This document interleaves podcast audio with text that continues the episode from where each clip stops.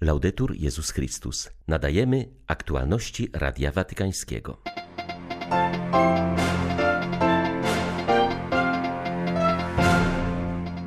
Świat nie tylko potrzebuje cudu szczepień, ale przede wszystkim cudu miłości. Apelują Caritas Internationalis i Dykasteria do spraw integralnego rozwoju człowieka.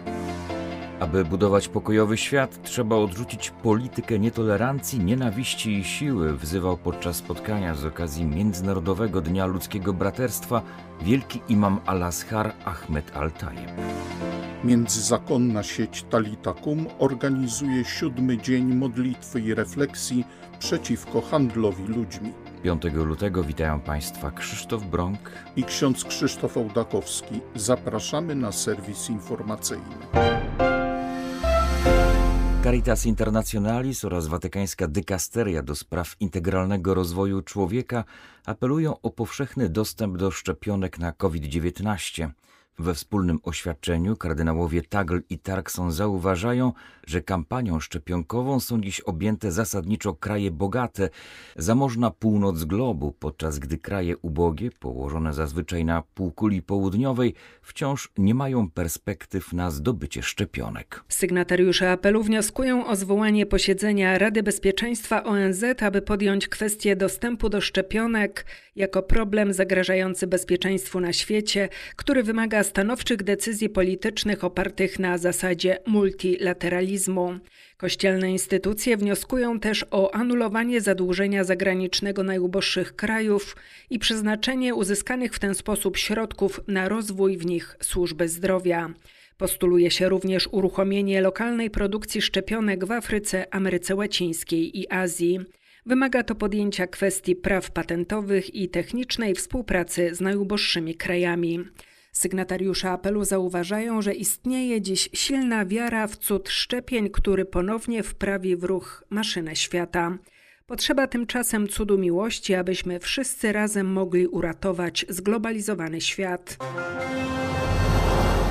Podczas obchodzonego wczoraj Międzynarodowego Dnia Ludzkiego Braterstwa, ustanowionego przez ONZ na pamiątkę podpisania historycznego dokumentu w Abu Zabi, wielki imam al-Azhar Ahmed al-Tajeb zwrócił uwagę, że pozostaje on ważną inspiracją dla wzajemnej współpracy oraz zaproszeniem do położenia kresu wojnom i budowania pokoju odrzucającego politykę nietolerancji, nienawiści oraz siły.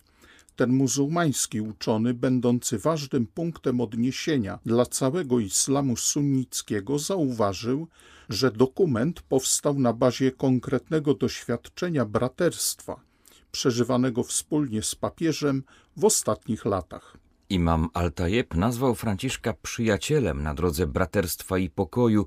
Stwierdził, że kamieniem milowym pozostaje na niej również papieska encyklika Fratelli Tutti. Mam nadzieję, że czwarty dzień lutego będzie każdego roku wezwaniem do przebudzenia dla świata i jego przywódców, wzywającym do umocnienia zasad ludzkiego braterstwa.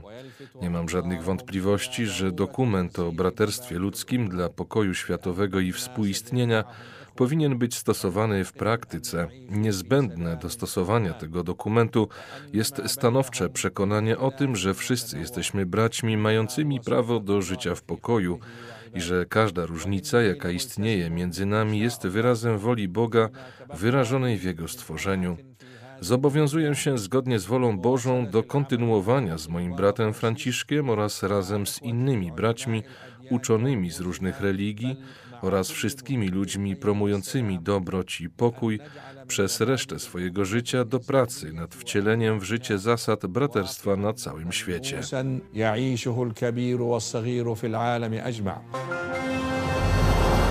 Międzynarodowa sieć zakonna Talitakum organizuje siódmy maraton modlitewny i dzień refleksji przeciwko handlowi ludźmi. Odbędzie się on jak co roku 8 lutego. Ze względu na ograniczenia sanitarne wydarzenie przeniesiono do internetu na platformę YouTube. Tematem kolejnej edycji spotkania będzie gospodarka bez handlu ludźmi. Chodzi o zwrócenie uwagi na jedną z głównych przyczyn tego haniebnego procederu, a mianowicie dominujący model gospodarczy którego ograniczenia zaostrza jeszcze pandemia, wyjaśniają organizatorki. Tegoroczny plakat promujący inicjatywę zawiera fotografię rzeźby zatytułowanej Uwolnić uciśnionych, wykonanej przez kanadyjskiego artystę, który jest także autorem pomnika uchodźców znajdującego się na placu Świętego Piotra. Zaznacza on, że zależało mu na pokazaniu związku handlu ludźmi z problemem migracji. Liczba osób, które w Europie padają ofiarami handlarzy żywym towarem, wzrasta z roku na rok. Według włoskiej Caritas statystyki są coraz bardziej niepokojące, głównie z powodu napływu migrantów, którzy są sprzedawani do niewolniczej pracy na budowach czy w rolnictwie. Kobiety najczęściej stają się ofiarami wykorzystywania seksualnego. Aktualności Radia Watykańskiego. Brazylijski episkopat zachęca do przyjmowania szczepionek na COVID-19. Biskupi zainicjowali kampanię medialną, w której wyjaśniają, dlaczego warto się zaszczepić. Jednocześnie apelują o wsparcie dla Amazonii, gdzie system zdrowotny odczuwa poważne braki tlenu i innych podstawowych środków do walki z pandemią. Biskup Edson Damian jest pasterzem największej, mającej 293 tysiące kilometrów kwadratowych i najbiedniejszej diecezji São Gabriel da Cachoeira. Wspomniany biskup podkreśla, że pandemia ujawniła ogromne nierówności i niesprawiedliwości społeczne naszego kraju, ponad 14 milionów bezrobotnych, Ponad jedna trzecia rodzin potrzebuje rządowej pomocy z powodu nagłych przypadków losowych, aby potrafiły przetrwać ten okres. Z Brazylii dla Radia Watykańskiego ksiądz Balczewski Chrystuszowiec. Siostra Maria Dorotea Dotto od pół wieku głosi Ewangelię w Korei Południowej. Włoska misjonarka, która skończyła 90 lat, powtarza, że ludziom zaczęło się lepiej żyć, ale wciąż spragnieni są Boga. Zakonnica ze Zgromadzenia Sióstr Świętego Pawła właśnie została nagrodzona prestiżową gwiazdą Italii. Prezydent Włoch przyznał ją jej za nauczanie religii katolickiej w najbardziej opuszczonych dzielnicach koreańskiej stolicy. Jej współsiostry podkreślają, że nie ma chyba w Seulu biednych i potrzebujących, którzy nie znaliby tej ofiarnej misjonarki. E allora io sono partita poi Przybyłam do Korei Południowej 55 lat temu po trudnej miesięcznej podróży statkiem.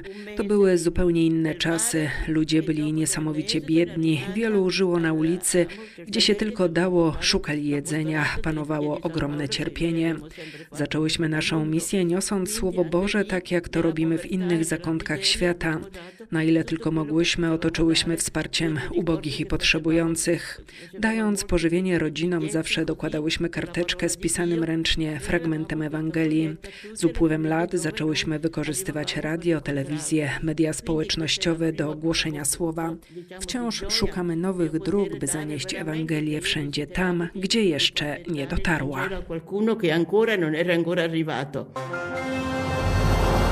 Episkopat Anglii i Walii wzywa rząd Wielkiej Brytanii do udzielenia pilnej pomocy Etiopczykom dotkniętym falą przemocy w regionie Tigraj. Nadal pogarsza się sytuacja humanitarna po walkach, które wybuchły między rządem regionalnym a rządem federalnym Etiopii w listopadzie ubiegłego roku. Uważa się, że ponad milion ludzi zostało wysiedlonych. Organizacje pomocowe działające na tym terenie ostrzegają przed masowym głodem.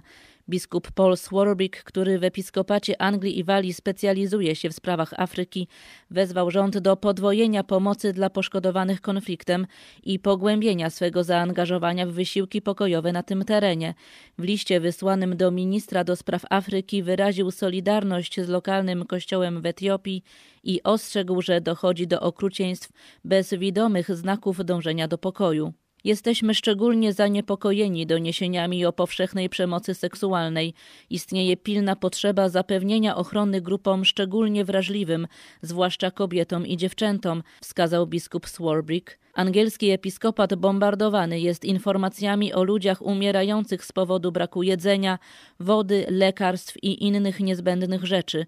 Wzywając do podjęcia pilnych działań, biskup wyraził również nadzieję, że brytyjski rząd w większym stopniu zaangażuje się dyplomatycznie na rzecz ustabilizowania sytuacji wraz z krajami sąsiednimi w poszanowaniu prawa międzynarodowego, w tym w zakresie bezpiecznego zakwaterowania uchodźców. Dla Radia Watykańskiego Elżbieta Sobolewska-Farbotko, Radio Bobola, Londyn. Kościół w Irlandii czeka misyjna transformacja, zapowiada nowy arcybiskup Dublina, arcybiskup Dermot Farrell. Przyznaje on, że jego ojczyzna przeżywa trudne chwile ze względu na pandemię.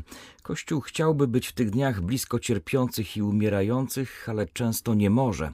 Zakazane są odwiedziny w domach, nie można sprawować mszy z ludem. Rozmawiając z Radiem Watykańskim o priorytetach swej pasterskiej posługi, arcybiskup Farel wskazuje przede wszystkim na ewangelizację i odnowę parafii, aby były one miejscem, gdzie można doświadczyć żywej wiary. Ważne jest, aby ludzie, którzy przyjdą do kościoła, mogli tam doświadczyć dobrej liturgii. Liturgia ma bowiem formacyjną moc, kształtuje ludzi. Dobra liturgia może niekiedy zrobić dużo więcej niż dobre rozmowy. W liturgię są bowiem zaangażowane różne zmysły. Słuchamy Słowa Bożego, dobrej muzyki liturgicznej, patrzymy na starannie przygotowane szaty liturgiczne. Dobra liturgia dociera do ludzi. Wiem to z mojej pracy na parafii. Widzimy to na przykład w sytuacji, kiedy ludzie powracają do kościoła po jakimś tragicznym wydarzeniu, śmierci młodego człowieka, gdy kogoś opłakują. Liturgia ma w sobie moc, która niesie ludzi przez te trudne chwile żałoby i smutku ale oczywiście potrzebujemy też nowych powołań. Jakby nie było do sprawowania sakramentów, Eucharystii, spowiedzi czy namaszczenia chorych, potrzebujemy księży.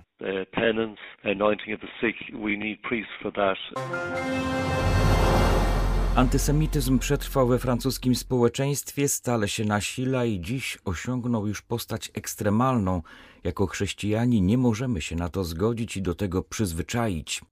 Tak w rozmowie z Radiem Watykańskim biskup Didier Berthet uzasadnia uroczystą deklarację episkopatu Francji przeciwko antysemityzmowi. Została ona podpisana w ubiegły poniedziałek w obecności głównych przedstawicieli wspólnoty żydowskiej w tym kraju. Biskup Berthet, który odpowiada za relacje episkopatu z judaizmem, podkreśla, że we Francji Żydzi regularnie padają ofiarą różnego rodzaju ataków a nawet zabójstw na tle rasowym. Deklaracja nie jest bezpośrednią reakcją na jakiś konkretny zamach, lecz wskazuje na powszechny problem odradzającego się antysemityzmu. Kościół chce dać w tej sprawie jednoznaczne świadectwo i potwierdzić swój ścisły związek z judaizmem, mówi biskup Berthet. Nasza deklaracja ma bardzo solidne uzasadnienie teologiczne. Pokazuje, że jesteśmy braćmi. Żydzi są dla nas starszymi braćmi, a my dla Żydów młodszymi. To sprawia, że jesteśmy ze sobą ściśle związani. To, co przydarza się naszym braciom Żydom, nie tylko nas obchodzi, interesuje, ale bezpośrednio nas dotyka. Osobiście odczuwamy w naszym ciele wszelką przemoc wymierzoną w naszych braci. Wiąże nas przymierze z całym poszanowaniem dla naszych różnic, dla odrębnej roli w tym przymierzu. Nie wiem, na ile jest to nowe pod względem teologicznym, ale wierzę, że taka uroczysta deklaracja braterstwa zawsze wprowadza coś nowego. Ta deklaracja braterstwa wypływa z serca i trafia do serc naszych braci Żydów. Jest to więc nowy krok w naszym braterstwie, jest to dzieło Boże.